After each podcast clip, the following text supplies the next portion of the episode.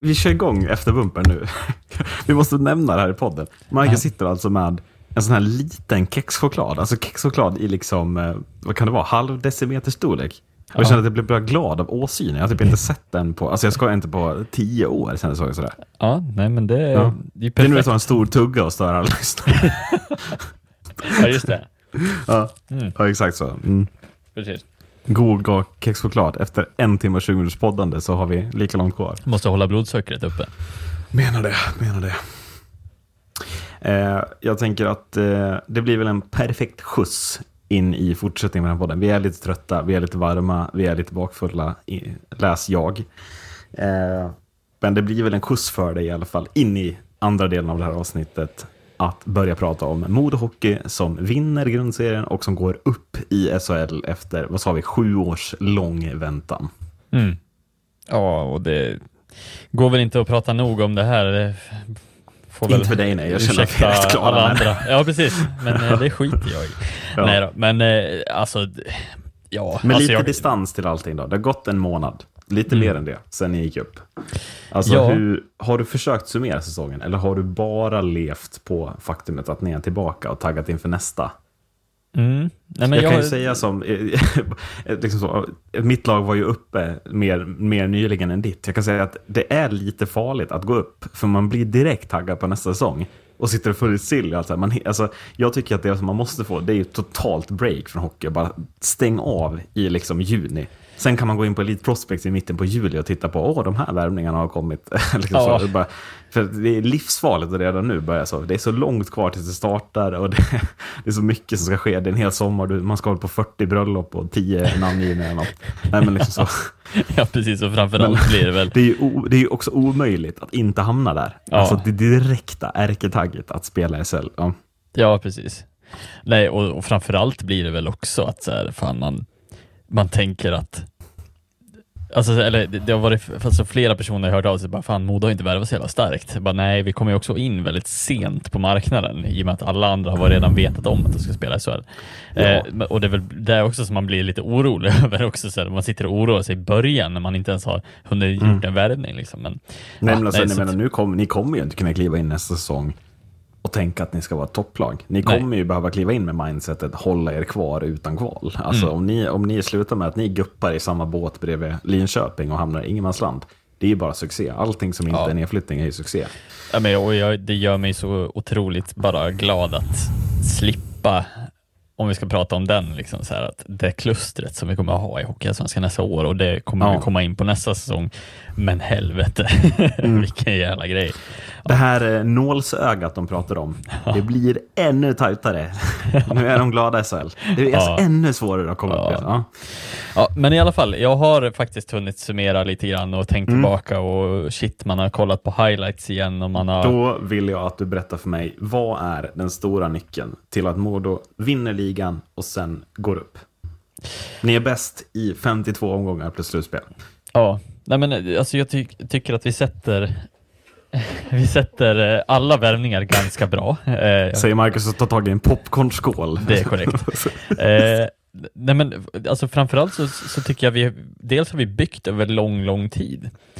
Eh, så att jag tycker att vi har, vi har byggt de här spelarna som har varit med oss från den början av, av deras kontraktstid till nu så har de blivit mycket, mycket bättre än vad de var i början. Och det tycker jag varit nyckeln också, att vi har hela tiden vi har byggt från grunden och sen har vi också lagt till väldigt, väldigt bra värvningar uppe på det. Och i år så, så blir det väl någonstans att vi får behålla spelare samtidigt som vi, alltså så här, vi, vi tillräckligt, spelarna är tillräckligt dåliga för att inte försvinna och de väljer också bort SHL. Alltså där blir väl nyckeln också, att vi har spelare som är precis, precis på gränsen till att vara för bra för den här ligan. Mm. Och, och någonstans så får vi väl rätt timing på, på allting i det där och bygger det ett så stabilt lag som vi kan göra eh, med de medel vi har. Mm. Ehm, så någonstans där tycker jag det väl landar i och sen så sätter vi defensiven mycket, mycket bättre än vad vi gör tidigare år på det. Eh, vill, hur tänker du kring att ni, alltså om man säger att ni adderar de sista viktiga pusselbitarna? Och så jag upplever ju att värvningarna av, om man sitter så här, Josef Ingman kom i och för sig i slutet av förra säsongen. Men om man säger Ingman, Josh Dickinson och Adam Pettersson. Är inte det tre pusselbitar som helt fulländar pusslet? Att det, är, det var liksom 98% klart kanske förra säsongen och säsongen innan det. Men att det här blev det ultimata liksom den ultimata bygget till slut. Att det, det blir inte mycket bättre byggen i Hockeysvenskan. Jag tror inte det är rätt. Alltså det är svårt att starta med ett bättre lag än vad ni faktiskt gjorde. Mm. På något sätt. Ja, och, och någonstans så blir det väl lite den man går in med eh, med mindset att, att värvningarna som kommer nu i år, det är inte sådana värvningar som man behöver. Alla behöver inte vara spetsvärvningar. Jag Nej. tror att det är det också som man, man verkligen träffa rätt på också, att man, man, sätter, man fyller de hålen där man vet att okej, okay, här kan vi få lite, lite tyngre bak, alltså så här, lite tyngre bredd i. Adam Pettersson är en perfekt spelare och det är väl en sån spelare som är lätt att glömma bort i det här bygget, men alltså, ja, vilken, vilken tyngd vi får i bredden där. Och, och, och vilken, alltså hur viktig är hans rutin? Alltså jag ja. kan, jag, jag, det, men alltså, det känns som att han kommer in i omklädningsrummet med så otroligt viktig rutin av många år på högsta nivå också. Jag kan, alltså, han har väl vunnit något SM-guld och så vidare också. Mm. Känns som en vinnare man får in i truppen på något sätt. Ja, precis. Och sen är det väl det, alltså det magiska receptet som du alltid förespråkar också, att vi sätter våran centersida ganska bra. Eller inte bara ganska bra, jävligt bra gör vi.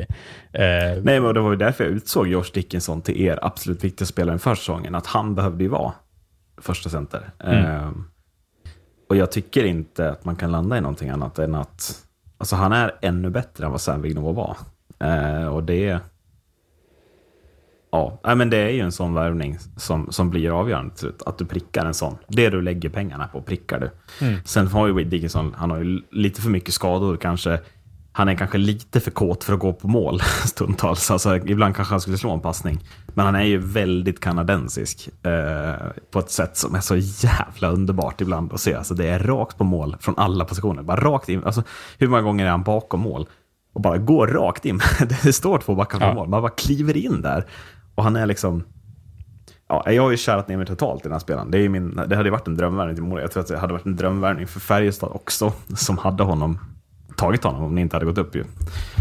Men att han kommer ju vara i SHL en spelare att räkna med som poängplockare också. Alltså, måtte han få hålla sig skadefri känner jag. Eh, på något sätt. Ja, eh, och går väl in alltså, perfekt i det här laget som en, ja, förmodligen andra center nu då, eh, nästa säsong. Men jag skulle inte säga emot om han var bättre heller.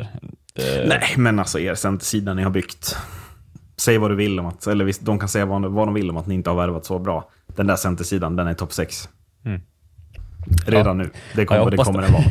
Nej men den är det. Den är det. Ja. Alltså, sen ska de prestera, men på pappret så kommer det inte vara många centerkedjor som är bättre än den där. Mm. Det är så enkelt är det. Och det säger jag inte för att du är min bästa vän eller så. Utan det säger jag som rent objektiv. Mm. När jag tittar på de andra lagen och, och tittar på ert lag. Att den centersidan håller på att bygga. Det är inte där problemet kommer finnas. De, det tar jag i ett annat avsnitt längre fram. Mm. Vad, jag, vad, vad jag tror kommer vara problemen. Men de kommer också finnas. Men centersidan kommer inte vara ett av dem. Så enkelt är det tror jag. Yeah.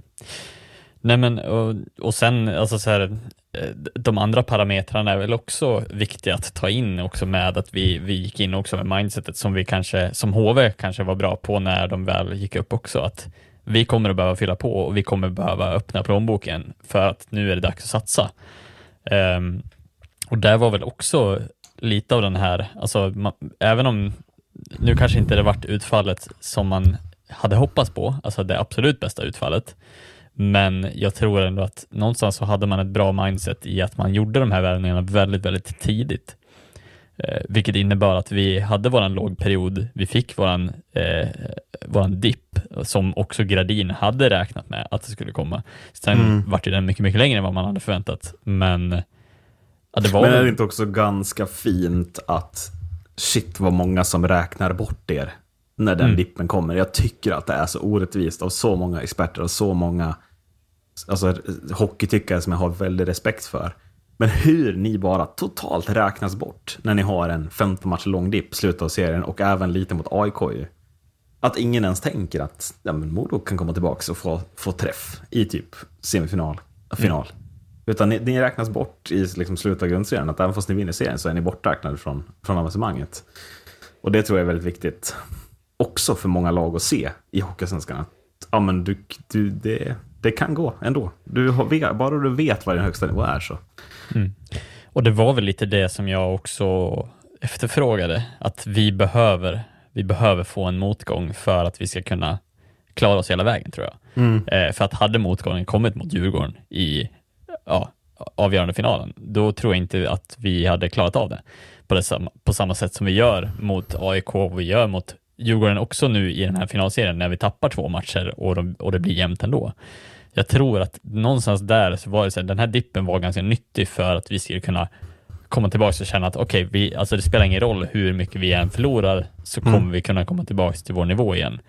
Eh, och det tog lite tid och det var tålamod, men de, de lyckades ju till slut och vi tog ju segern ändå, eh, seriesegern, även om det var mm. på sista poängen nästan. Jo, men så är det eh, Hur viktigt är det att ha seriens bästa spelare i laget då? Oj. Eh, nej, men det Hur viktig är parametern Daniel Bernhardt när du summerar?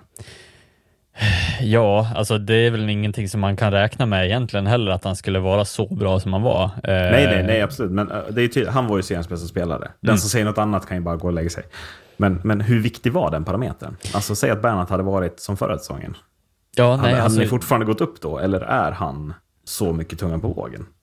Nej, men jag, jag tror det är ändå att det, Ja, jag tycker också det är väldigt svårbedömt, för jag mm. tycker ändå att det finns många spelare som ska räknas in i, i varför ja, Bernhard, varför Bernhard är så bra som han är också. Eh, för att just bara det här att allting behövde klaffa och det var ju det som jag snackade om med hela spelet i Modo.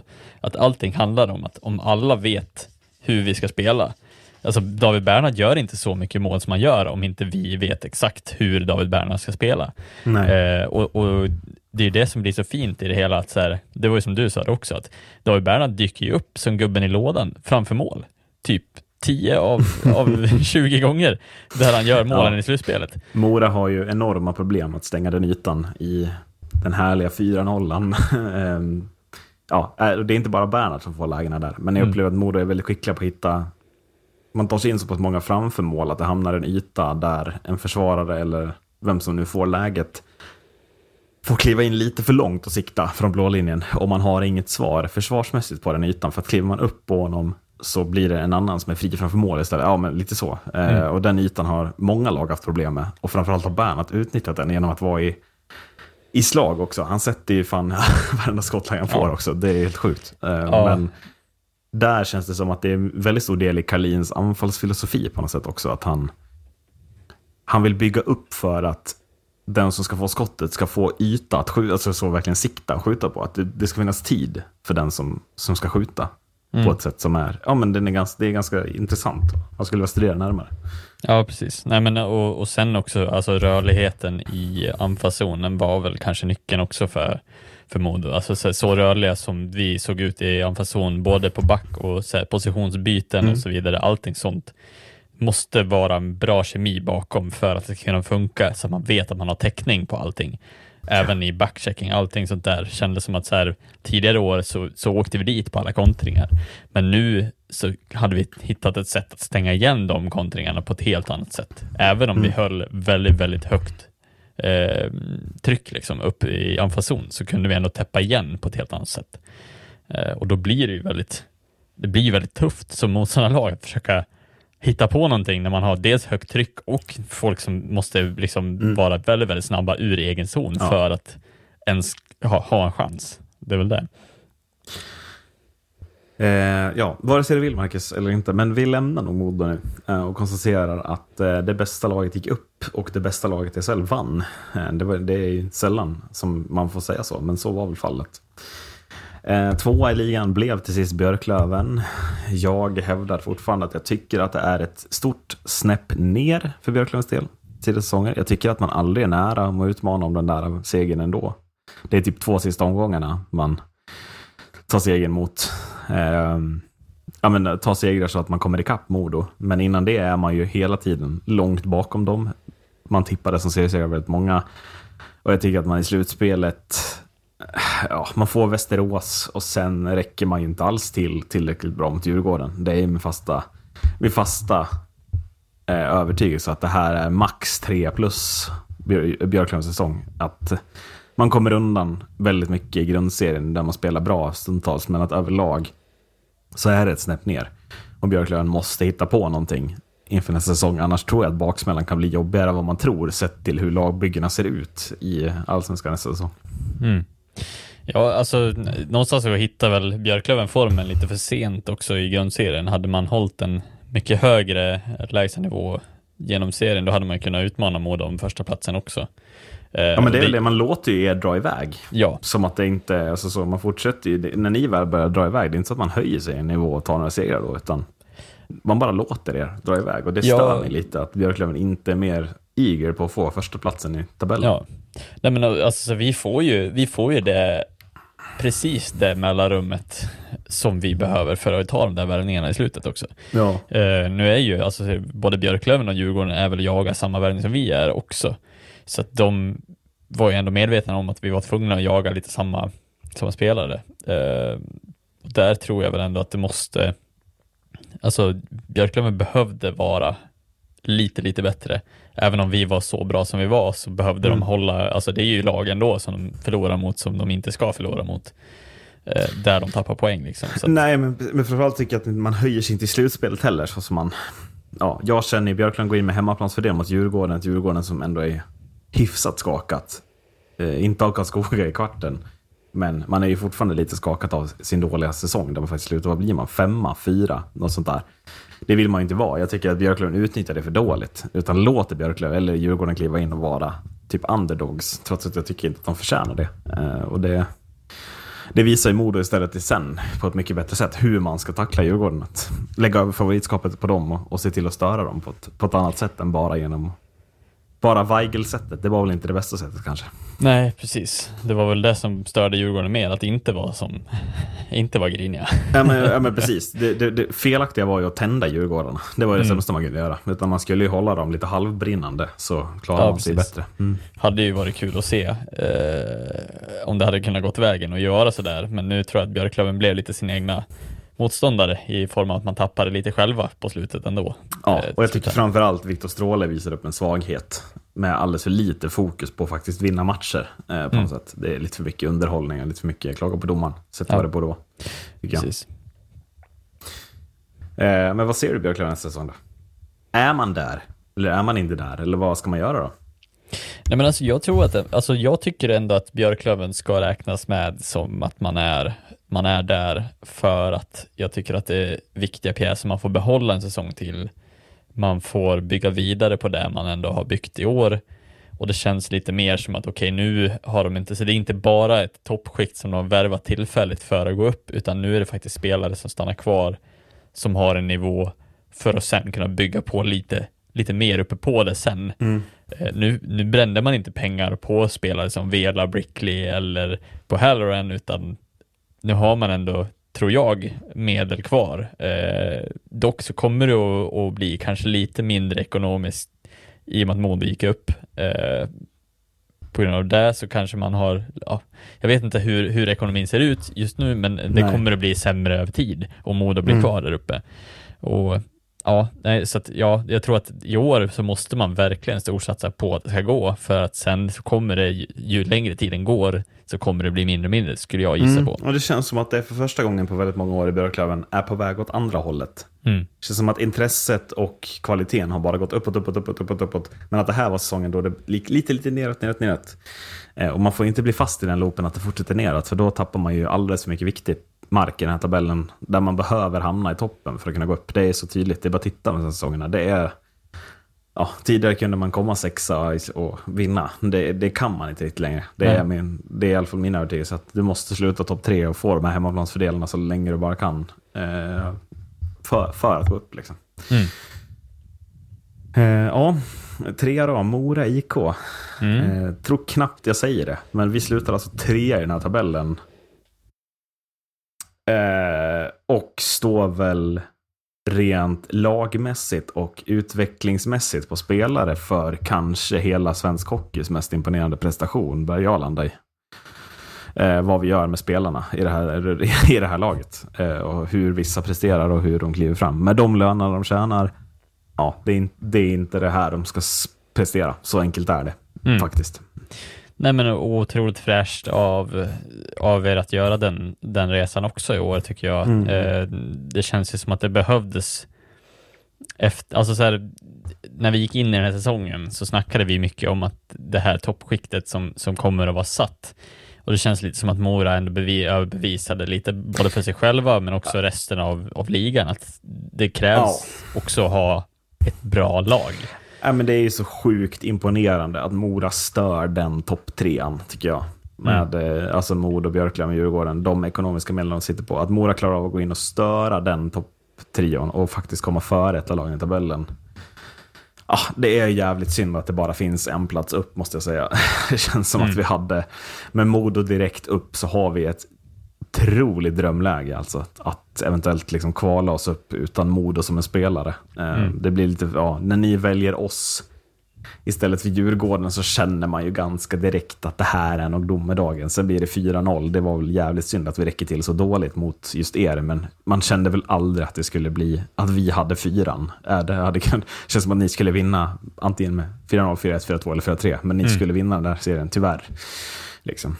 Ja, nej och sen blir det väl också så att det hade ju varit lite kul att se Djurgården-Mora i ett slutspel också, i och med att ja, ni också Björklöven-Mora, tycker jag. Ja, för ni jag kändes lite mer, ja precis, ni kändes lite mer spöke för de andra lagen, mm. tror jag. Eh, och det är väl det som tycker det känns lite synd att ni mötte oss istället, eller att det blev oss. Eh, nu mm. går inte det att liksom eh, kringgå så i och med att vi väljer, men eh, någonstans så blir det lite att, ja, de andra hade ni nog säkert kunnat stört på ett helt annat sätt. Jo, men jag menar, ska Mora, ett lag som Mora gå upp så behöver det nog finnas mer än en plats. Det är lite där jag håller på att landa. Att när, det bara finns, när bara ett lag kan gå upp så har jag svårt att se Mora någon gång ta den platsen. Sett till vilka lag som åker ur och vilka lag som är kvar. Eh, mm. Att, ja, Djurgården och vi, vi kan liksom utmana två av tre lag på en bra dag, men vi kan aldrig utmana alla tre över lång tid. Tyvärr. Jag tror, mm. alltså, det är väl det som gör lite ont när jag summerar säsongen. Men det är svårt att inte... Alltså nu har vi satt så många bra värvningar också. Jag, hade, jag var ju orolig att vi skulle börja nästa säsong. Liksom. Vad, vad har vi tappat? 57 spelare till SHL känns det som. Nej men alltså det, det, det, kan inte vara ofta som så här många spelare har lämnat en klubb för SHL. Eh, vi, har ju, vi har väl sex spelare som är klara för SHL-klubbar. Det säger ju allt tycker jag. Mm. Att... Och lite oväntat bra också. Alltså jag tror ja, inte ni själva ja. någonsin Nej, hade kunnat föreställa er. Herregud vad bra vi har varit. Ja. Ehm, inklusive coach. mm. Ja, sju om du räknar coachen. Ja, precis. Och det är väl ingenting som man säger emot heller. Alltså det är inte nej. så att det är en Marenis som är så här, jaha. Nej, men, men, nej, Utan... men ja, och när jag säger då lämna för SHL, jag, då, jag tänker att Miketina har gjort det, men han har ju lämnat för finska ligan. Men det är fortfarande att han lämnar för en klubb i en bättre liga. Eh, där vi alltså har sex spelare plus en coach som värvas till bättre ligor efter en säsong i vår klubb. Mm. Och ändå känns det som att vi kommer in med ett, med ett starkt bygge redan i juni. Eh, ja. och det känns ju som att vi har tagit ett viktigt kliv organisatoriskt, truppbyggsmässigt och sättet vi jobbar på som förening. Eh, som gör mig väldigt glad i alla fall. Eh, mm. Jag tror att vi, plötsligt är vi med på topp 6-skiktet på ett mer självklart sätt inför nästa säsong än vad jag trodde att det skulle vara. Typ. Mm. Så det bara väl återstå, återstå att se om coachbytet också eh, ja, faller nej, väl det, ut. Det, det är klart att det blir ju såklart viktigt att, alltså det blir en svår skor att fylla, Johan Hedbergs skor. Men det blir lättare att göra med ett bra truppbygge så att man inte chansar på massvis av juniorer högt upp i kedjehierarkin och tror att man är bäst i världen. Liksom. Utan att det är viktigt att vi, vi också värvar många tunga namn som kommer behöva vara bra. Mm. Eh, något mer om Mora? Ska vi gå vidare i tabellen? Jag tror inte det. Alltså det jag tänker väl bara att det var, alltså så här, det är ju imponerande. Jag var ju mest orolig för Mora också. Alltså jag trodde ju verkligen att ni hade någonting bra på gång som var lite oroväckande. Det, det, ja, men det blir lite typ, vi kanske hade behövt värva någon mm. inför slutspelet. Det ja, kanske var, saknades, alltså en spetsspelare hade kanske behövts, typ som ni tar in Halloran.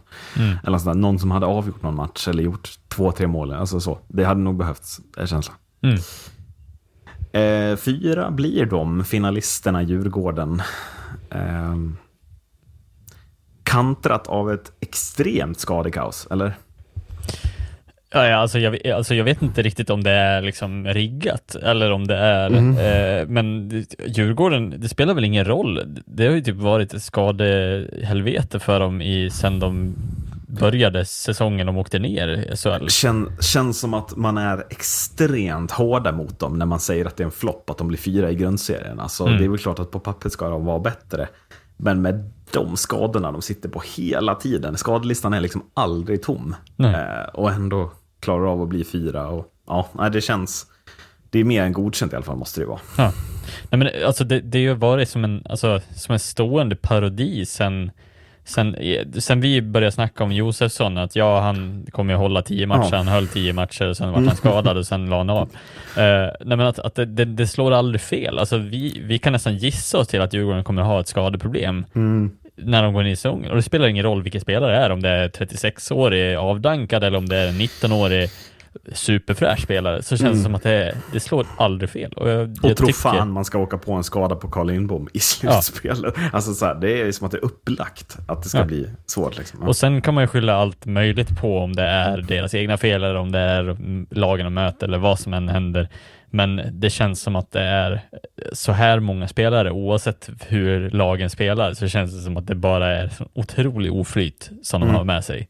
Eh, som man ändå hoppas kommer att, att liksom vända för dem. För att Ja. alltså, de måste ju få ha en hel, en ärlig chans. Det skulle vara kul att se dem med en ärlig truppchans. Liksom. Håller med. Mm. Se hur bra de faktiskt kan bli. För att den högsta nivån de visar i vissa matcher i slutspelet framför allt. Alltså den, ja, det är, det är inte dålig ishockey de spelar. Det är det verkligen inte, eh, måste jag säga. Det är jäv, jävlar vad bra de är stundtals. Mm. Eh, och det känns som att de hade kunnat varit det betydligt mer om de hade fått hålla ihop truppen.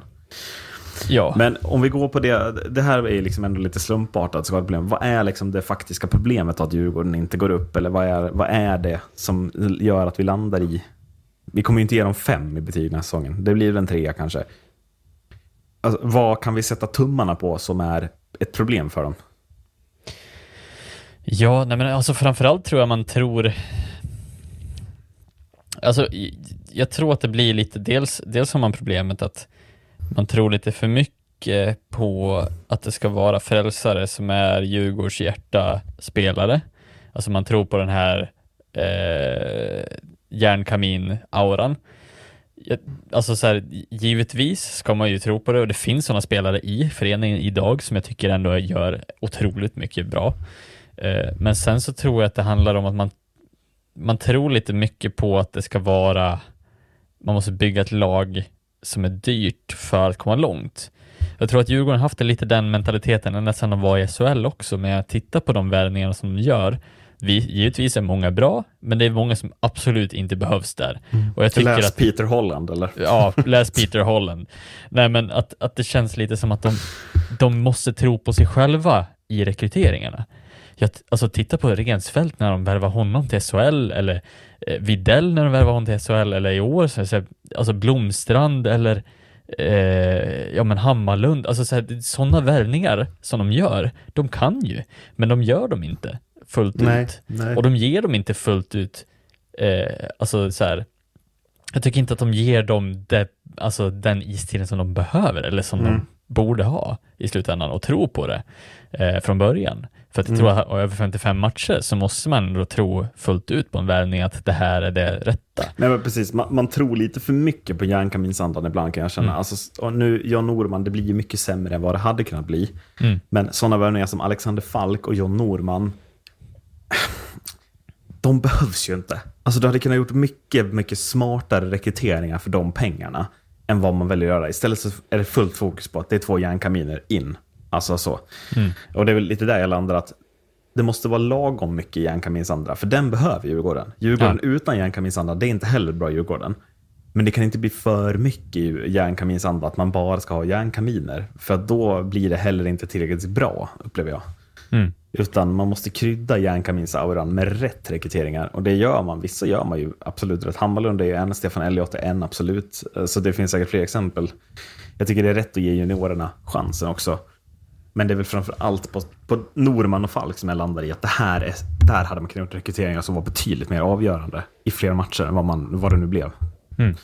På något sätt. Ja, men sen så måste man ju våga tro på att Emil Berglund och Victor Nilsson nu i det här fallet också kan axla typ en andra kedja istället för att man ska börja fylla på med alltså kanske andra. Alltså, ja, jag kan ha fel, jag kan ha rätt, men det, det, blir lite det här att man, man tror att man behöver bygga, alltså uppfinna hjulet med att köpa in alla möjliga stjärnor för att kunna få det här att funka och jag tror inte att de behöver det egentligen. Nej. Eh, utan lösningarna finns där de redan har värvat. Det är bara problemet mm. att de ger inte det möjlighet till att växa. Alltså Nej. Olle Liss, alltså givetvis så ska väl han ha kritik för att han kanske inte fullt ut är så bra som han ska vara. Men så att han får inte heller chansen i, eh, i hela slutspelet att bevisa att han var den som vann. Alltså det kom tvåa i poängligan i hela Djurgården också. Nej men exakt. Och då blir det lite och, och, pajigt ändå, att, att han inte ens får chansen när han ändå gjort så bra. Och jag tycker det är också ett problem om vi ser över Djurgårdens säsong. Det är ju alldeles för dålig kontinuitet. Alltså med, med, med Fagervall så saknar man en kontinuitet i spelet. Man hittar inte spelidén, man hittar inte... Då kommer Garpenlöv in, där han saknar helt kontinuitet i truppbygget. Alltså han ändrar om i kedjorna hela tiden. Han byter plats på backar och forwards. Skade, skadorna spelar såklart en roll. Men han går från att Olle Liss är given på två kedjor och given i powerplay till att Olle Liss plötsligt är i fjärde line och helt inte kan uppfylla sin roll. Man tappar ju helt kontinuiteten. Från att Olle Liss var en given poängplockare, Garplöv, han tar bort det för att andra ska... Alltså, man, man saknar... Modo har ju en kontinuitet i sitt spel, Björklund har en kontinuitet i sitt spel, Modo har en kontinuitet. Alltså man, kontinuiteten blir liksom det jag landar på i Djurgårdens stora problem. Man hittar liksom inte den förrän man typ är framme i match tre mot Björklöven. Alltså mm. det är typ där man börjar hitta den. Och, och, när det då liksom en sån spelare som Marcus Kriger, Carl Lindbom här blir, blir mer och mer skadade och borta och man tappar så viktiga pjäser, ja då klarar man inte av att slå Modo för att då har kontinuiteten funnits för lite, för kort tid i mm. Djurgården. Liksom. Precis, och jag menar när vi åkte på våra skador, vi har ju också, alltså Modo har ju skador, ska ju också tilläggas, på både Dickinson och Woods på ganska mm. lång tid.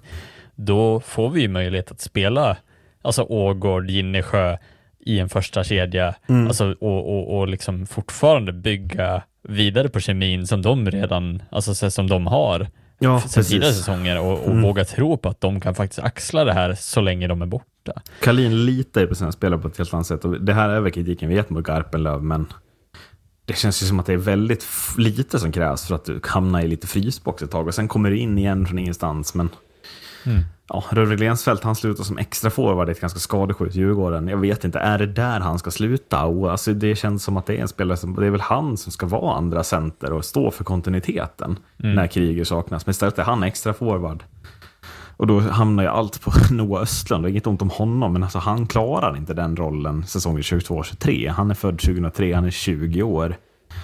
Till och med 2004 är han född. Eh, alltså, det, det blir liksom det håller inte. Du måste hitta kontinuiteten mycket tidigare under säsongen för att sen kunna bygga vidare på den och toppa mm. med rätt spel i rätt läge. Ja, precis. Och det var vi väl inne på väldigt, väldigt tidigt innan säsongen också, att nå Östlund med mera, alltså juniorer, precis som ja. spelade i Med flera, tror jag med flera, eh, kan inte axla en första kedja som, kom, som ska gå upp i SHL. Nej, och det där är också Djurgården så dåliga på. De kan inte gå på den försäsongsmyten. Alltså jag vet, jag förstår Djurgården. De älskar tanken på att tre juniorer som har växt upp i deras liksom, eh, i skola och spelat för Djurgården hela sitt liv och deras juniorled. Men man kan inte gå på myten när de gör bra försäsonger att de ska göra 40 poäng. Man kan inte gå på den. Och jag ser experter som går på det också, men alltså sluta med det. Det går inte. Hockeysvenskan är för bra. Sluta underskatta den här jävla ligan. Utan mm. de spelarna behöver ju kliva in i en tredje line max. Det är ju därifrån de ska spela. Östlund, det är första line länge. Lekkerimäki spelar första line hela slutspelet. Liksom. Mm. det, det, nej, men det håller ju inte. Det nej, precis. Och det är ju inte för att vi tycker att de är dåliga spelare. Nej, nej absolut inte. Utan... Det är för att vi vill, vi, de kommer om fem, sex år kommer de vara brutala. Alla ja. de här spelarna, de kommer vara helt otroliga. Troligtvis i NHL till och med. Och det är jättebra för deras utveckling att spela så högt. Jättebra för svensk hockey. Men ja. i slutspelet, alltså hade jag varit coach, eller hade vi varit coach, då hade väl Kryger, Klasen, Brodin varit en otrolig första ja, Med en enda uppgift, ta upp oss. Och så löser de det problemet. Det hade de också gjort, tror jag. Jag, mm. tror, att, jag tror att Garpenlöv, han krånglar till det för mycket sist. Tyvärr. Mm. Mm. Så att, ja, men det är väl det vi landar i till slut. Ja, det är det vi landar i. Eh, och med det så går vi vidare till lag 5, Södertälje.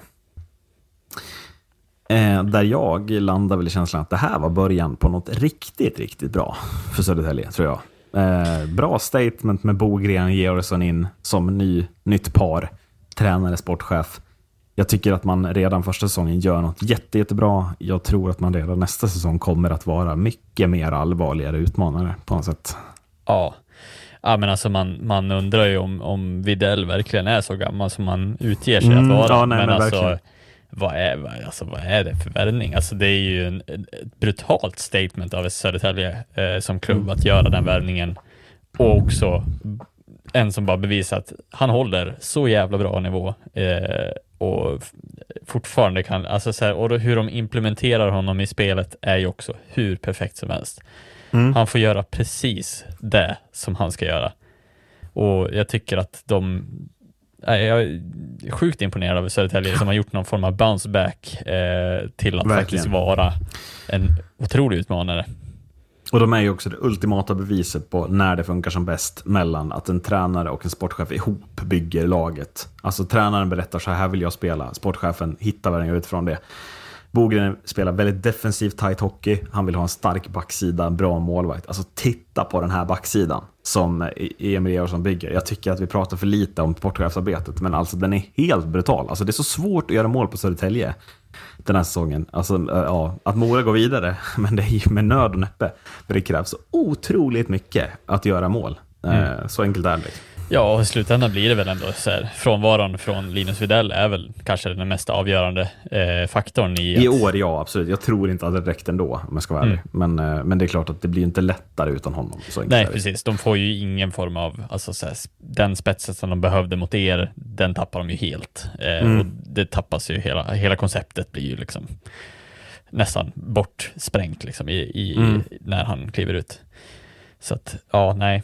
Eh, men sjukt intressant nu när det är eh, dels tre, eh, tre Stockholmslag över tid eh, som kommer att generera lite mer pengar åt alla Stockholmslag. Eh, ska bli sjukt intressant att, följa utvecklingen av det nu när AIK har gått in pengar, SSK förmodligen kommer satsa mer, Djurgården kommer inte sluta satsa.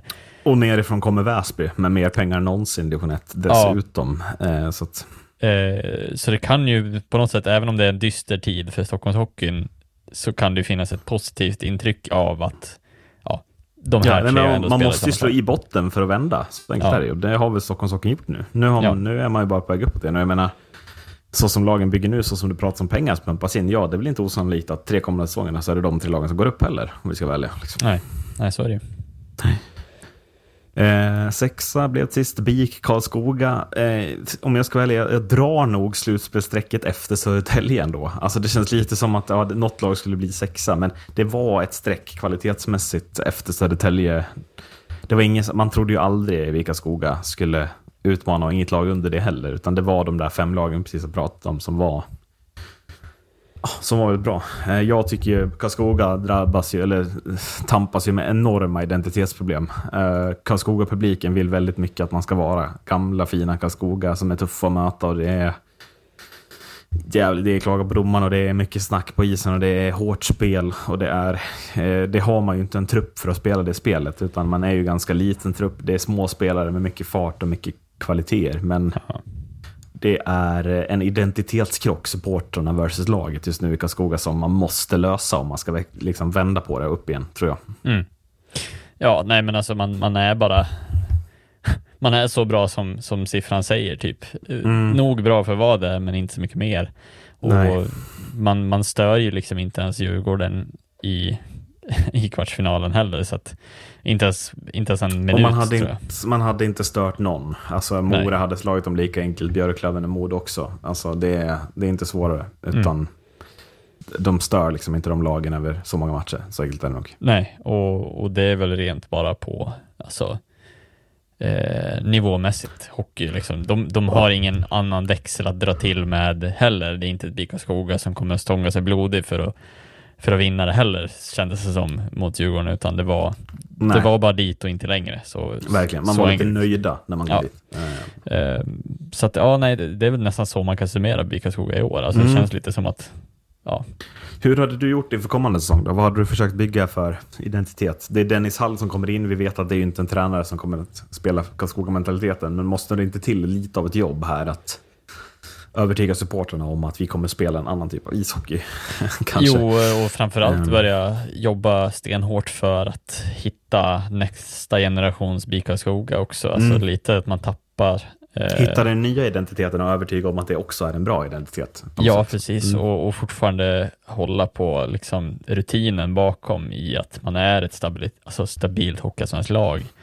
Eh, Ja. Och man har väl ändå muskler till att vara det också, men Ja, man kommer ju inte... Det finns inte en chans att Karlskoga åker ur. Liksom. Nej. Det har jag, har jag så mycket svårt att säga. Nej, precis. Men sen ska man väl heller inte ha någon form av förhoppning om man utmanar topp fem i år, eller topp sex rättare sagt. Eh, Ah, ja, nej, nej Jag jag, jag, tycker de bygger rätt bra, men det, jag, ja, nej, jag har svårt att tro också. Även om, eh, hur bra de än kommer göra så kommer jag nog inte tippa dem högre än topp fem oavsett. Sen kan jag Nej, nej, nej. överraska givetvis. Men, Så är det ju. Ja. Nej, Jag tror att man, man lär nog tänka lite, lite nytt, lite fräscht, lite, Mm. lite rivigt tror jag. Eh, och försöka därifrån. Eh, plocka lite spelare som kanske inte tar plats i de här övre lagen. Mm. Eh, göra lite sådana värvningar kanske, men ja, jag vet inte riktigt hur man ska gå vidare. Nej, det, man måste hitta en väg ur det som var i år, för så här slätstruket kan vi inte ha Karlskoga. Utan Nej. de måste ju vara ett lag som ändå, det, det ska liksom ägga lite och spela mot Karlskoga. Alltså, komma igen liksom så, alltså, oh, nu kommer Karlskoga, då blir det hårt och tufft och lite slagsmål och, eller så. Eller liksom, ah, men nu kommer Karlskoga, nu, de kommer med fart och fläkt och liksom, de måste vi stå emot. Men, men de måste skaffa sin identitet. Vad är det som kommer? För att om man inte vet det, ja då är det inte heller mycket att vara rädd för upplever jag. Nej, absolut inte. Kanske hela säsongens överprestation hittar vi väl på plats sju, där Almtuna parkerar med marginal ner till lag åtta. eh, ja, Ja. vad, vad finns det att säga? Vi tippade att de skulle, du, jag tippade om 12 och du tippade om eh, att de skulle liksom kvala ur plats 13. Hur många poäng mer än vad vi, alltså de tar 20 poäng över vad vi tänkte eller?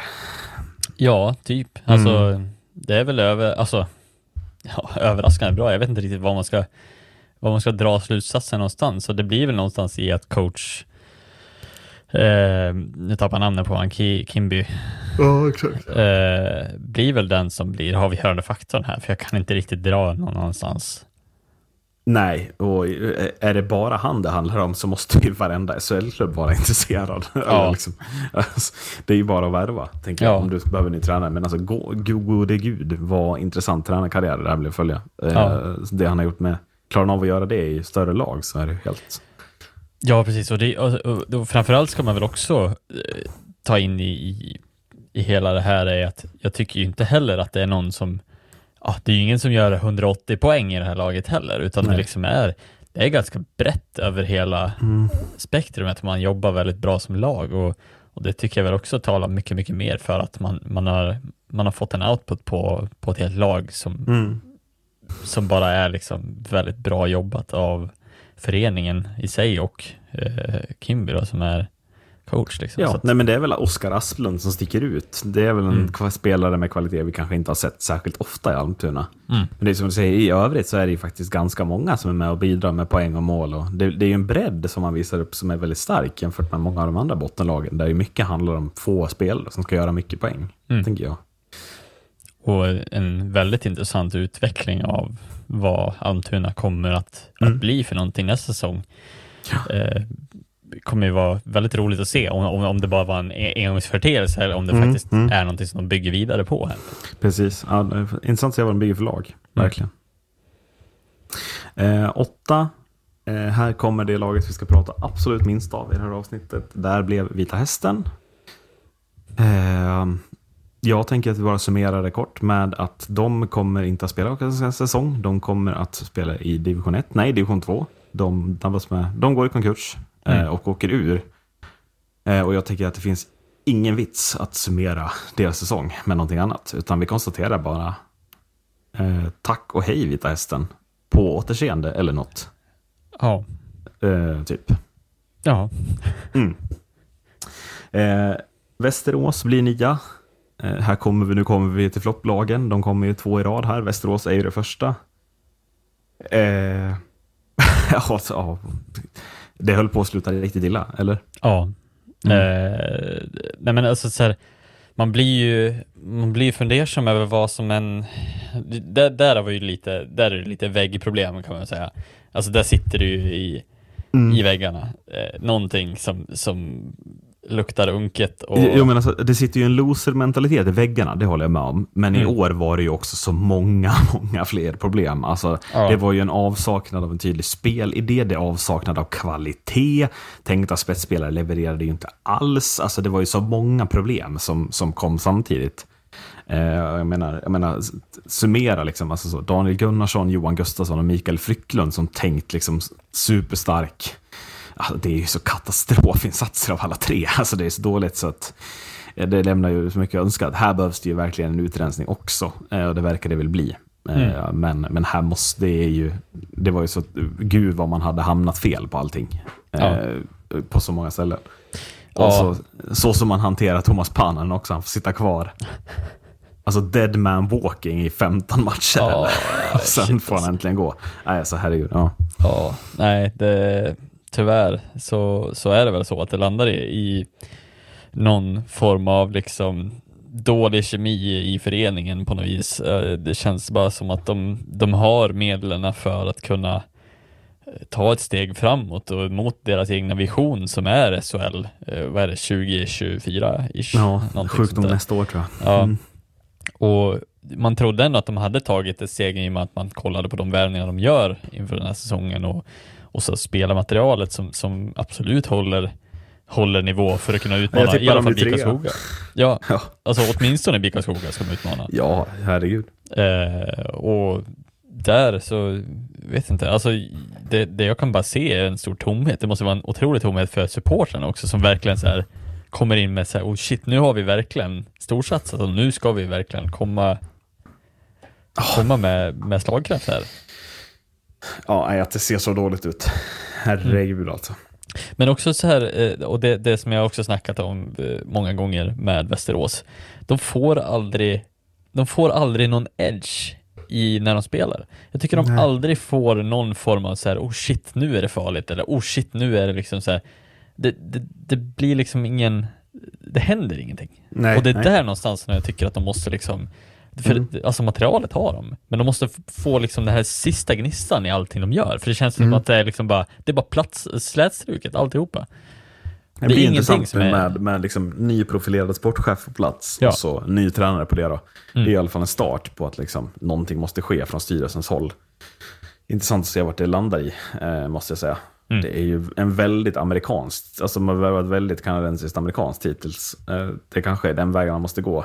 Vi minns ju gamla goda fina Västerås med Justin Williams och gänget. Då var det ju så in i helvete med kanadicker och amerikaner. Är det dit Mm. man är på väg så Ja, varför inte? Alltså, varför inte lite goda minnen av Västerås när de var som bäst? Det är inte mig emot liksom. Ja, ja de har ju inte, de har ju inte varit blygsamma på marknaden och hitta amerikanare i eller, truppen inför nästa säsong. ska verkligen inte. Nämna snabbt det i alla fall. Det tar, vi, det tar vi då, men det är ju bara att konstatera att det, de har ju försökt vandra en ny väg. Men jag är inte Mm. säker på att det är en lösning heller. Men det är som du säger, överlag så måste ju den här slätstrukheten bort. Alltså man måste ju liksom, de måste ju börja räknas igen. Ja. Man, har ju, man räknar ju bort dem efter 15 omgångar typ. Ja, precis. Nej men alltså, Ja, så. är det här vägen så hellre testa den än... Ja, ja verkligen. Test, gör någonting nytt bara, det är det enda viktiga. Eh, ett annat lag som måste, som måste göra något nytt, det är ju AIK. Eh, där ju deras väg, de försökte gå med massa spelare som skulle utvecklas och eh, liksom så, det, det hade de ju inte tålamod för. Det är ju något som Mora ska göra. Alltså så bygga över treårsperioder. Men menar, AIK bygger ju aldrig över treårsperioder. Det skulle ju vara utveckling direkt. Och det är så många av de nyförvärven som, som är alldeles för dåliga. Eh, som gör att AIK slutar där de slutar. Alltså det är liksom Daniel, Daniel Musito Bagenda är den som måste vara bäst i laget. Det, det håller ju inte, det hör man ju på förhand. Inget ont om honom. Men, Mm. Ja, nej, alltså. Ja, sen är det väl, alltså så här, Rickard Gynge är väl en bra värvning också. Men, Ja, såklart. eh, Men I slutändan så var det om- väl inte... nej, hur många gånger nämnde jag dem förra året? Vad, var det? Eh, William Eriksson, Sion Nybeck, eh, vad hette de mer? Albert Lyckåsen. Ja, typ så. Men det var ju väldigt, ett väldigt fokus på att man behövde få träff på vissa spelare som skulle utvecklas. Som det var ju väldigt tveksamt att man skulle få den utvecklingen. Och så blev ju Mm. också fallet, upplever jag. Oskar Öhman var väl den sista. Krastenbergs var som bäst i VM om inte annat, men Ja. ett annat lag kan man säga. Han var väl också, det var väl i AIK han var bättre än i Södertälje, men överlag en total flopp i, i liksom allsvenskan överlag. Ja. Går och blir, vinner VM-brons på det. Ja, precis. Ja, nej men, eh, nej jag, jag håller med. Alltså det känns lite som att AIK, nu har man ju ändå, alltså så här, nu har man sagt, gått ut och sagt att man ska storsatsa, eh, Ja. givetvis också kanske för att man vet att man har medel in, i och med att Djurgården är i eh, ligan också, så blir det ju en Mm. väldigt stor boost för dem ekonomiskt. Eh, jag kan inte tänka mig någonting annat heller, men nu blir det väl lite alltså så här, upp till bevis då, eh, över de här tre, Mm. fyra åren som nu Nej, AIK måste ju, alltså, så, så tomt som hovet ekar, man måste nästan upp topp top 6 här och verkligen utmana för att det ska bli något intresse igen. Det är Ja. AIKs viktigaste problem nu, är att vända intresset. Ja. Fotbollen går ju inte så bra heller, så det kanske finns ett bra läge att vända det i alla fall. Mm. Eh, om det är så, men mm, Ja, precis. Alltså man måste försöka vinna tillbaka både förtroende och eh, alltså jobba mycket, mycket mer med supporterkulturen. För jag upplever ju att alltså, om många lag har vänt sin supporterkultur i Hockeyallsvenskan så har AIK gjort tvärtom. Eh, tappat den Mm. helt och hållet. Ja, men det är nästan. lite, man kan ju beskriva supportljudet med det här, du vet, tomma sysch-ljudet. Mm. så jag inte klippa in det, men Ja. alla fattar vad jag menar. Alltså så. Eh, Ja, precis. För det är väl i princip bara slutspelet som de har eh, någonstans i närheten till att det är Till godkänd publik. Ja, Ja. ja. men precis. Mm. Och det är ju först när, när man utmanar mod och man tar den där segern borta, då blir folk lite taggade typ. Mm. Men överlag så är det ju, det är ju stiltje på Hovet när AIK spelar, tyvärr. Men sen, eh, någonting som de ändå ska ha beröm för, och det tycker jag man kan hämta i Blomqvist ändå. Alltså där har man ju någonting att bygga vidare på. Där har man en coach som har lite rivighet och har lite, Mm. alltså han vågar, han vågar testa, han vågar utmana lite. Sen har han det materialet han har och det är ju inte det, han kan, han kan inte jobba så mycket mer med. Men Nej. så. Nej, men man tar ju en ny väg. Alltså, han hade ju väldigt unga assisterande coacher bredvid sig eh, och, en, och en väldigt ung och, och otestad sportchef. Nu tar man ju in Pajen Persson som sportchef, man sätter ju dit Fredrik Stillman som assisterande. Man fattar ju också att det behövs lite rutin bredvid när, Ja. när det börjar blåsa. För att när det blåste i AIK allt ifrån play dirty till när det gick som sämst. Det var ju dåligt hanterat överlag. Eh, Mm. Också internt. Att det, det, det, de, lär, de började ju falla med det. Liksom. Ja, nej men absolut. Men sen, jag tycker att han utmanar, alltså han försöker utmana Modos pressspel på ett sätt som Mm. jag inte trodde att AIK skulle göra och där tycker jag, kan jag bara landa i att det är han som faktiskt fått AIK-spelarna att fatta hur de ska spela ur sig det. Ja. För att annars hade vi, alltså vi hade ju pumpat fast AIK i planket varenda gång annars. Jo, men och jag tror Eh. också AIK mår jättebra av en lite mer play dirty mentalitet. Alltså Ja. jag tror att de skulle inte ha väntat så länge med att implementera den. De skulle bara kört den från omgång 20 och framåt. Liksom. Mm. Nu ska vi, nu, det ska vara tufft och hårt och jobbigt att möta oss. De Ja. hade ju material för det. Ja, ja. Många tunga spelare ju, som, som också kan vara lite griniga. Mm. Och det passade dem väldigt bra. ja, verkligen. Och då, det är också ett sätt att publikfria lite, tänker jag. Ja. Kanske. Första lag i Ingenmansland blev nämligen Kristianstad IK. Eh, lite av ett sjunkande skepp på slutet, va? Eller Mm. hur summerar du? Ja, eh, tänkte ändå att man hade alltså någonting att jobba vidare på från tidigare säsonger. Eh, nu vart det väl lite att man tappade tunga pjäser kanske också. Jo, från, från började laget. man ändå inte med lite samma? Man slår Djurgården borta. Och, alltså jag tycker Jo, att fram, fram till jul så tycker jag ändå att man är där. Alltså inte lika bra som året innan såklart, men att man skulle prata om Kristianstad som utfl- alltså, åka ut-kandidat på slutet eh, trodde jag ändå inte när vi, när vi pratade vid jul. Då var man ändå, jag tyckte man var halvjobbiga att möta på samma sätt. På något sätt. Ja, nej men jag, och jag tycker ju ändå att det jag vet inte riktigt vad det är som, som fallerar, om det är liksom avsaknad av den här riktiga spetsen som man haft tidigare år. Ehm, men, eh, och jag menar, Gat har ju inte varit sämre, tycker jag inte. Nej, men hur mycket är Gat då? Kan det vara honom de är trötta på? Alltså absolut kan det ju vara det också. Jag vet inte hur, hur hård och tuff han är utanför och eh, hur han vill spela Nej. på för vis. Eh, Men om du skulle gissa påverka, men krävande eller inte krävande, vad är din? Jag skulle gissa på grävande kanske. ja, exakt. Ja. Eh, att det kan vara lite tröttsamt kanske med vissa Mm. saker. Han lämnar ju absolut. också nu. Jag tycker ändå det visar någonting. Mm. Alltså det kändes inte som att, vid jul kändes det inte som att Gat skulle lämna riktigt. Nej. Medans ju längre det gick så kändes det som att det kom allt närmare ett oundvikligt farväl på något sätt. Ja, absolut. Uh, och det kan ju vara en bra positiv trend för Kristianstad. Ja. Um, men uh, ja, nej, det är frågan. Alltså, så här, mycket handlar väl om att de ska försöka återta sin position som i någon form av mittenlag kanske. Mm. Um, och det blir väl där som de måste fokusera på. Uh, och det blir nog jävligt jobbigt sett till hur lagen bygger. Alltså det är ju många lag som bygger, jag vet inte, AIK Västerås kommer man kunna utmana dem igen. Ah, det känns som att det inte är många platser att ta där bakom, eventuellt. Nej, absolut uh, inte. Och Nybro kommer upp med en, med en fräsch, fräsch ny trupp också. Östersund satsar på, ja men det känns ändå lite, det känns ju lite farligt för ett sånt lag som Kristianstad slutar ändå med en dålig plats i Ingenmarsland. Man får inte alls samma edge på att kunna värva spelare. Som, som Kopaka hade ju aldrig gått till Kristianstad i nuläget jämfört med man såg honom förra året. Skriker det inte lite att Kristianstad måste börja om igen?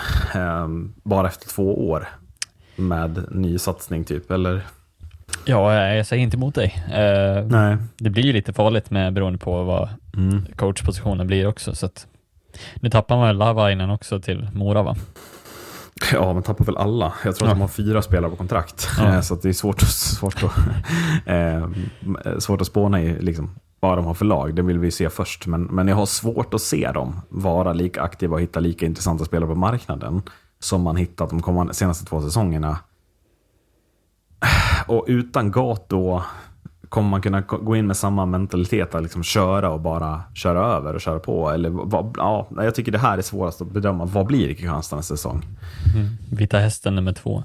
Ja, typ. Jag Många vet spelare det, därifrån kanske. Här är det ju också, det, menar, det sitter ju problem i väggarna här med liksom relation till deras fans och den här bengalgrejen. Men de har ju också, de har, det är nere på under tusen personer på matcherna stundtals. Det är inte heller bra för Kristianstad som klubb. Eh, de ska ju vara jobbiga med att vara bortaplan. Nu blir man typ sämsta hemmalaget i hela ligan i år. Eh, det håller inte riktigt heller om man ska klara sig kvar. Nej. Eh, ja, andra laget på eh, Ingemarsland, Östersund. och det är väl bara de klarar målet, in, klarar sig kvar utan kval. Det ja. var väl allt de ville. Liksom. Mm. Ja, Nej, men här var det väl också, som vi snackade om innan, hur viktigt det var att sätta första backpar. Ja, jag land, det landar jag också i. Ja. Att det där backparet räddar väl hela jävla säsongjäveln. Liksom. Ja, mer än så behöver man ju inte ens alltså, snacka om Östersund. Sen Nej. tycker jag de får, de får ju lite boost. Alltså, det är kul att, att eh, de får ju lite boost mot de här Norrlandslagen, alltså Modo och Björklöven. Mm. De plockar ändå poäng mot båda väl, har jag för mig. Plockar ju framförallt tillräckligt poäng innan jul för att mm. när sen fallet börjar så, så orkar de hålla sig. Alltså så, mm. De håller sig över ytan om det än med, är med liksom bara nästippen. Men de är där och andas när säsongen ja. är slut. Det är och, väl det enda viktiga. Liksom. Och Östersund blir väl någonstans också Modos första förlust på typ Ja, ja, det är väl de som hela, stoppar den där. Alltså, ja, mm. precis. Det blir den, alltså, den långa trenden. Eh, Nej, men framförallt, liksom. de, de skärmar ju sin hemmapublik på ett bra sätt. De slår väl AIK hemma, slår Djurgården hemma, slår Modo hemma, slår Björklöven hemma, om jag inte minns fel. Eh, mm. Tror jag. Eh, ja. och det är ju sådana segrar man måste ta för att bygga intresset, bygga en budget. Vi ser redan nu på värvningen att de tar ju redan spelar från en högre hylla än vad de gjorde förra säsongen redan nu. Eh, så att de har, ju, de har ju gjort mycket rätt och jag blir ju glad när ett sånt lag klarar sig utan kval. Eh, så att, så att de känner liksom att ja, men vi gjorde något bra och vågar bygga vidare på, på den tanken. Liksom. Mm. Och sen är det ju lite roligt också när Björklöven och Östersund, ja nu blir det de två som är kvar, så att då kommer det fortfarande att pumpas in pengar från dess, alltså de sidorna ja. för att de kommer fylla varandras hallar. Mm. Eh, alltså den här, de här typerna av möten är väldigt rivaliserande för att folk bor väldigt liksom... Eh... Jo, det är ju bra. Alltså, som, hockeykartan den ska ju vara så utspridd som möjligt. Jag tycker ja. att det bara är bra. Eh, nu fyllde vi på med ännu mer Småland då, istället för mm. eh, Vita Hästen. Det, Småland har ju alla lag annars, men det, så får det väl vara. Men det är i alla fall vi, vi, det är utspritt på ett bra sätt över hela Sverige, de här lagen i den här ligan. Eh, mm. Så att vi inte tappar Norrland eller tappar södra Sverige eller tappar sen mitten Sverige. Utan vi har, vi har Stockholm, vi har Dalarna, vi har Värmland, vi har eh, Norrland liksom, på, på, två ställen. Vi har Brynäs kommer in, ger oss jäv. Alltså det blir en bra spridning ändå. Mm. Så, ja.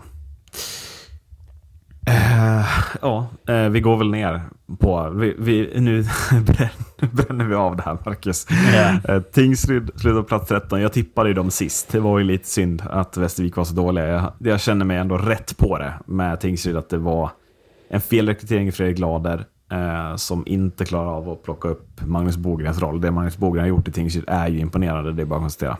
Mm. Ja, nej jag vet inte heller vad jag ska säga riktigt. Det, det känns också som att så här, ja, nej men Glader är väl, ja, tyvärr ett fall från, från Modo, eh, alltså rent, eh, vad säger man, hockey jobbmässigt.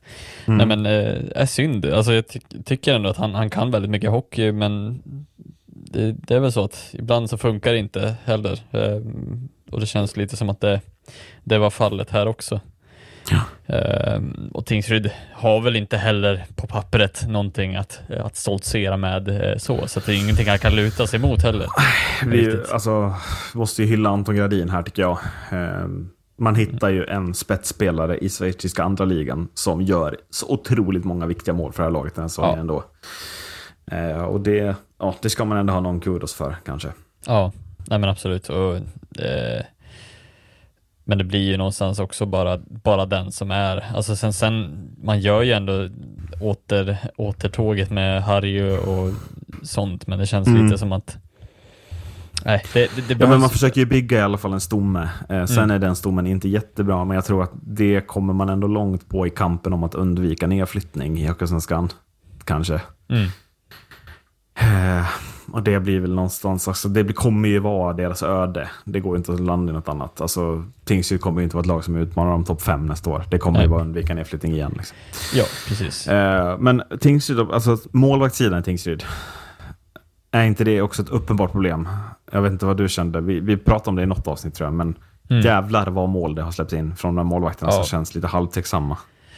Ja, precis. Och Ja, nej, alltså då blir det ju lite så här, man, man, har, man har liksom en spelare som gör otroligt mycket mål, men då måste man också försöka hålla, hålla det lite mer tätt, tätt än vad man, alltså man har ju inte en fantastisk backsida heller, Nej, eh, ska ju också nämnas, men samtidigt, ja. Eh, det inte den- regnar ju in puckar, Ja. kastas in då.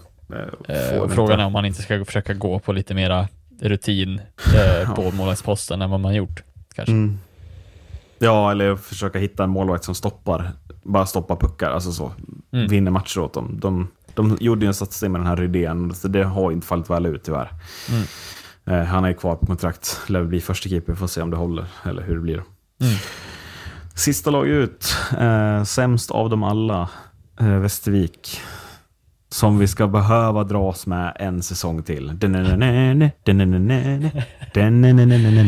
Och vi som trodde att det var slut, vi kastade in den där sista Jag vet redan vilka jag ska tippa sist nästa säsong i alla fall. Det är skönt. Ja. Mm ja, nej men hela Hockeyallsvenskans godishylla. Eh, Nej men alltså, alltså, man ligger sist om man börjar sälja spelare. Alltså kom ut med skiten. Ja. Jag, or- jag, orkar, jag vill inte ha de här. Jag vill inte Nej. ha lag som säljer spelare när de ligger sist. Det går ju inte. Nej. Men också har den höjden i att de hittar de spelarna. Bara det är ju imponerande, men det är ju samtidigt så jävla tråkigt att det ska bli, bli så här, okej, ja, vem har mest pengar för att köpa lösspelare från Västervik varje år? Mm. Det är lite den kampen som har varit, så det känns liksom, ah, jag vet inte, det, det, det känns ofräscht på något vis ur ett hockeyperspektiv som liga, att du ska inte ha ett lag som bara blir någon form av plockpotatis där i slutet av, av säsongen. Vet du hur många eh, kanadiker slutade på förut? Nej. Jag vill få gissa då. Eh, var det tio? Helvete. Ja, det stämmer tror jag. Jag ska räkna här. En, två, tre, fyra, fem, sex, sju, eh, åtta, nej nio. nio. Eh, och sen då Simon Soranta som finsk import får väl nio och en halv då kanske. Mm. Eh, hur många av de här känner du, åh vilka bra kanadiker? Var det inte lite som att man plockade lite som från så Fight League eller vad fan heter det? Så eh, bara kom in och de gjorde sitt jobb. Typ. Det kändes, ja.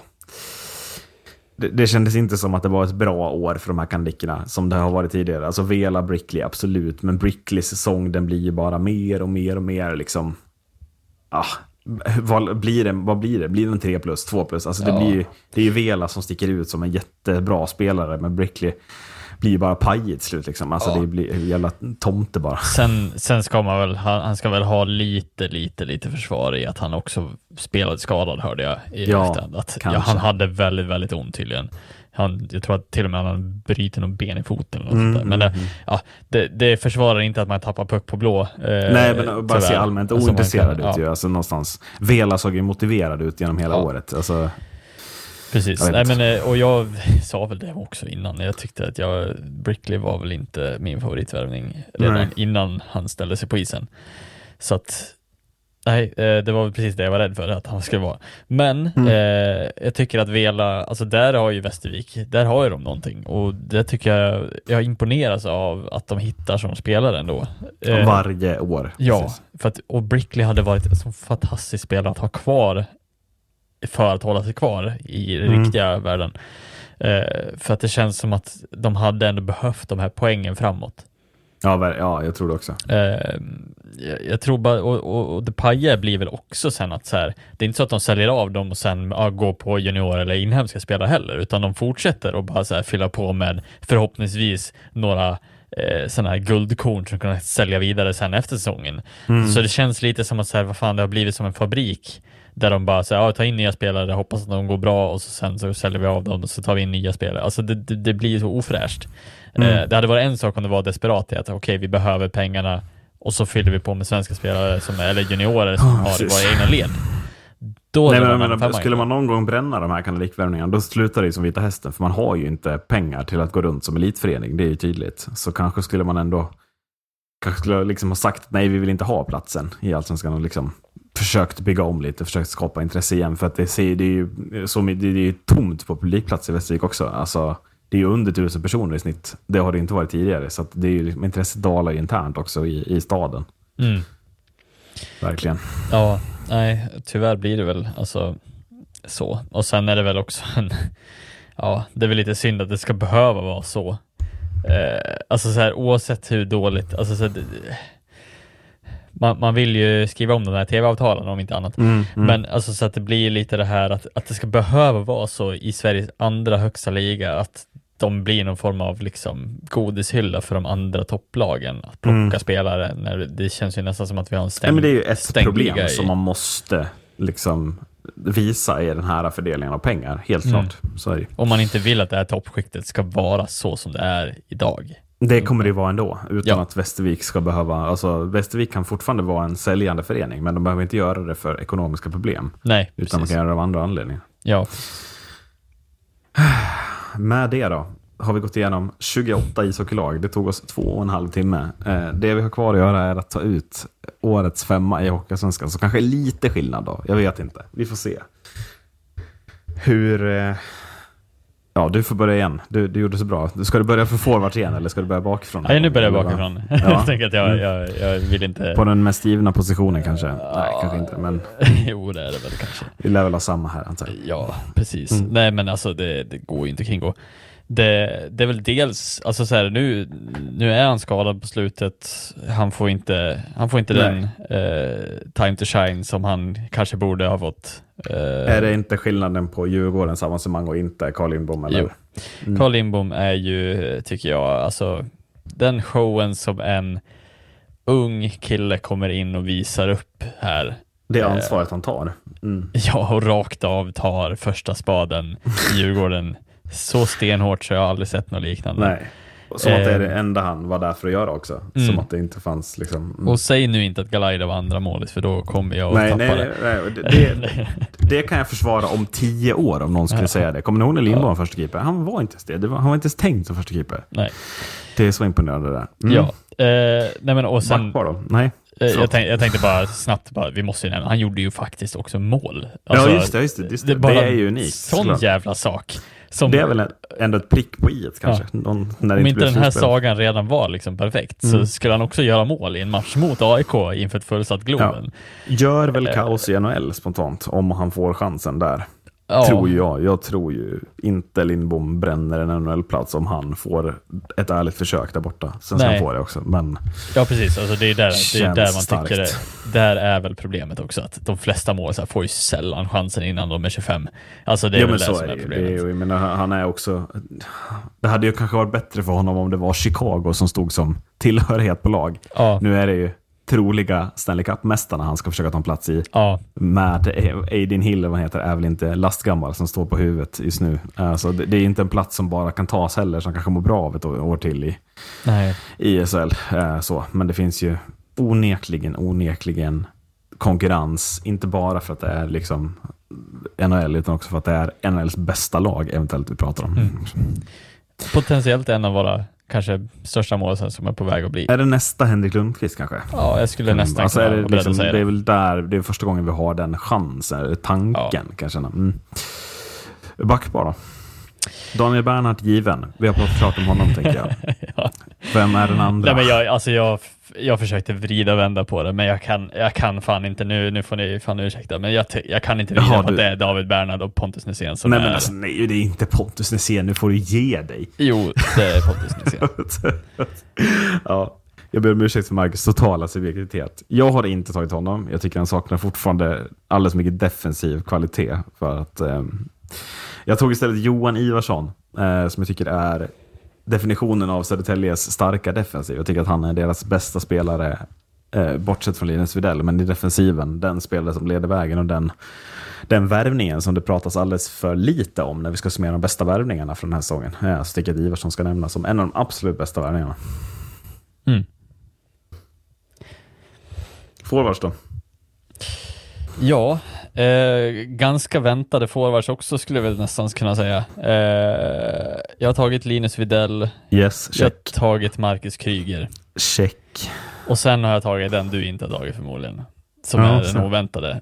Men jag, alltså, visst, Josh Dickinson i all ära, givetvis. Han var också Mm. skadad väldigt lång tid, Ja. men jag har valt Micke Lagergård. Mm. Som, Nej, men det den här sista positionen, alltså så, jag har inte tagit honom, men den sista positionen bredvid Kryger och eh, eh, Videll, det är väl ändå den positionen om man ser över båda ligorna som är svårast att ta ut kan jag känna. Alltså, det känns som att det finns jättemånga aspiranter på den positionen. Alltså Agard är givetvis en av dem. Eh, men jag såg Dickinson är en, det finns ju flera i Björklöven, eh, Klasen kanske, jag vet inte. Eh, Mm. Men liksom, Mora har några. Eh, det känns som att det, den är svår att ta ut. Jag tog Nick Schilkit sista för att han har vann poängligan, men det är ju också ett slutspel som är för dåligt från Schilkits sida såklart. Eh, men poängligaledaren är svårt att, svår att undvika kanske, jag vet inte. Ja. ja, men jag, alltså, jag grundade ju min, eh, alltså eh, Kryger och Widell behöver vi inte ens diskutera för det Nej, vet nej, vi precis, precis. varför, varför de är där de är. Men alltså, Ågård är vår bästa forward över hela, alltså både Mm, i grundserien och i slutspelet. Alltså, det, han, han, han gör flest poäng, han gör mål kontinuerligt. Även Ja, när- nej, men alltså, det håller jag med om. Det jag tycker blir problemet är att det är så jävla många forwards i Modo som är så bra. Bernhardt är liksom så tydligt bästa backen, tydligt er bästa spelare. Alltså det finns så alltså Agård kanske är bäst, men det är ju jävligt många som hjälper honom. Alltså jag vet inte, Sebastian Olsson, bara hans slutspel han gör, tycker jag ska göra honom värd en nominering här. Mm. Ja, nej, men vi, vi sätter Agård, jag köper det liksom. Modo ska ha många spelare med. Det är bara att Eh. han, höll, han höll en nivå över hela säsongen som Mm. bara var så bra som vi behövde att han Och det argumenterar ju bort Schilke, liksom, kanske. Ja. Eh, från den positionen annars. Eh, Ja. Och även mina. Eh, tränare då? Förlåt. Okej. Nej, jag kan inte. Ja, jag kan. Förlåt, jag Historiskt. Nej, men, nej, men, vet, du vad som är, enögd. vet du vad som är roligt? Det är att det här är då den mest enögda positionen av alla. För jag har ju då tagit Johan Hedberg. Jo, men det, jag, jag håller, alltså, jag är fullt med på varför du gör det också. Ja. Men jag, jag kan inte landa i att Mattias Kalin eh, är någonting annat heller. Alltså, det hade kunnat varit Outsider-namnet Robert Kimby då? Ska, Ja. han, ska han utmana så mycket om att bli årets tränare när han inte ens går till slutspel? Alltså han gör ju någonting med ett lag, men jag tycker ju att Hedbergs prestation med Mora och Mm. Kalins prestation med Modo måste väl ändå ses som likvärdiga med Kimbys prestation med Almtuna. Ja, Tyck, alltså jag tycker verkligen det inte. Eh, så jag, jag, jag tycker inte att Kimby kvalificerar sig för årets tränare. Han är, givetvis topp tre. Han är ju framförallt den mest intressanta tränaren kanske. Men Mm. jag tycker att det är Hedberg och Karlin som ska göra upp om det. Eh, på något sätt. Ja, alltså, jag tänker bara att med spelarmaterialet som, som Johan Hedberg har, eh, där framförallt så är det ju så imponerande som man, Mm. alltså, och där kan jag ändå vara beredd att hålla med om att det nästan är så att han, han överskiner Mattias Karlin här Mm. också. Eh, sen blir det väl lite det här avsaknaden av utmaningen i slutspelet kanske, som, som blir lite mitt fall i att så här, Johan Hedberg kanske hade behövt hitta på någonting lite Ja, men- annorlunda men i slutspelet. absolut. Eh, Eh, namn och nämna då, utöver de som inte har tagit ut. Ja. Jag, jag, jag skrev hela Moras forwardsida. Nej, men alltså, så, typ, alltså Mora, ingen av, oss, ingen av dem liksom blev med i årets femma, men jag tänker liksom Ljunggren, Persson, Micke Tinak, Heikkinen, Sundberg. De är, det är liksom fem forwards som är där och nosar Ja. på en eventuell plats på ett sätt som är helt sjukt. Ja, men Perssons prestation i grundserien är väl... Oh, Micke Tinac tycker jag är den mest underskattade. Vinner alltså plus minusligan. Eh, Mm. Som andra center i Mora. Det är... Heikkinen ska väl också nämnas som någon form av... Mm. Eh, men Men alltså, Micke Tinac framför allt, om ni vill ha en rejäl outsider som ni ska omvärdera, så ska Mm. ni omvärdera hur bra Micke Tinac var den här säsongen. Det är, Ja. Nej, men alltså hela Moras lag är ju en underdog någonstans och ska så vara är det, värt att nämna. Mm. Men sen om vi, om vi går till de, de riktiga underdogs som är liksom, eh, nej, alltså som inte hamnar med på den här listan som, som borde Mm. vara med i någon, något universum egentligen, så känns det som att Linus Klasen är ju framförallt den som jag tänker mest på här.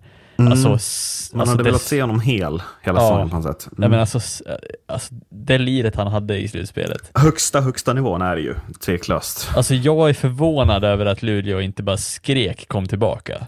Mm. Eh, var nej, det jag- inte att han stängde dörren? Jag hävdar ju fortfarande Ja, att jo, alltså, det kan mycket väl vara så. Sånt. Ja. Men eh, jag, jag är så jäkla imponerad av Lin- Alltså jag trodde att han var lite tvärslut när han kom tillbaka. Han visade inte riktigt att han, han var där han var innan han lämnade Sverige. Och så sen kommer han in i det här slutspelet. Det är någonting som tänder till i honom. Och man ser en Linus Klasen lite förbannad också. Mm. Ja, jag Det är sällan Det- man har sett det. Helt, Och- ja, helt med. Helt med. Det här är en nivå som jag, det, det är sällan skådat i Hockeysvenskan, tycker jag. Alltså, Mm, nej, jag- förutom Kryger givetvis, men nej, det, Som sagt, alltså man, man hade velat se Klasen över tid med lite Mm. mer brinn. Det känns som att brinnet håller på att ta slut. mm, Eh, så. Jag tänker två backnamn då. Oskar Asplund och Alexander As- Anderberg gör ju helt magnifika säsonger. Anderberg utmanar ju alltså Bernhard till backarnas skytteliga. Ja. Det är ju fan sanslöst att han gör det. Men ja. eh, det är väl svårt att ta ut en Östersundsspelare i årets femma kanske. Ja. ja, precis. Och sen hade väl jag, jag givetvis, du pratade om Kilki också. Mm. Eh, synd att han inte fullföljer eh, säsongen Nej, perfekt. tråk, Eh, tråkig död i slutspelet där. Mm, hade Osynlig, nästan liksom. velat att han var den enda som gjorde poäng i Björklöven i, i Alltså det, ja, det är ju så jävla saknad av honom. Björklund Ja. behöver ju hans poäng. Det är väl där de tappar mycket också. Eh, men sen har jag ju också skrivit ner, och det kunde jag inte kringgå, men Johan Södergran och Sebastian Olsson i Modo. Ja, och Fredrik Weigel också då. Ja. Magnifika slutspelare. Mm, absolut. Man kan, man kan sitta här hela kvällen och dra outsiders i Vi, vi måste stoppa nu tror jag. Ja. annars, kan, annars kan jag prata om alla spelare, för jag Ja. älskar alla hockeysvenska spelare. ja. Eh, men eh, det finns en sak som är kvar som vi måste göra, Marcus. Eh, och det är ju att vi måste rikta det största av tack till eh, Johanna, till Bella eh, och i viss mån också till Sofie. Som står ut med den här skiten. Dels att vi ser 500 hockeymatcher på ett år, men också tillåter oss att göra den här skiten trots familjeliv och annat. Eh, glöm inte det alla hockeysportrar, att tacka alltid era närmsta ointresserade. Eh, liksom är inte, inte intresserade av hockey. De, de måste ha ett tack varje säsong och sen titta lite extra på dem, prata lite extra med dem under hela sommaren. För sen vet de också att det börjar igen i september. Ja. Ja, shit. Och sen Eh. framförallt också alla som, som har blivit nya lyssnare, men också Ja, gamla lyssnare. alla- alltså, bara Och en alla som skriver till oss. Ja, Eh, till dem så säger podcasten så här ut på återseende i augusti kanske. Eh, vi tar semester fram tills dess. Eh, det finns ingen hockey att prata om i sommar, helt enkelt. Eh, utan vi behöver break. Vi filar lite på ett nytt koncept till hösten. Om det blir det, då pra- pratar vi om det då. Annars så fortsätter vi som vi gör nu. Eh, och vad, Marcus, ska man göra fram tills dess? Man ska spela sarg ut. Man ska spela sarg ut. Tack för att ni har lyssnat. Hej då! Hej då.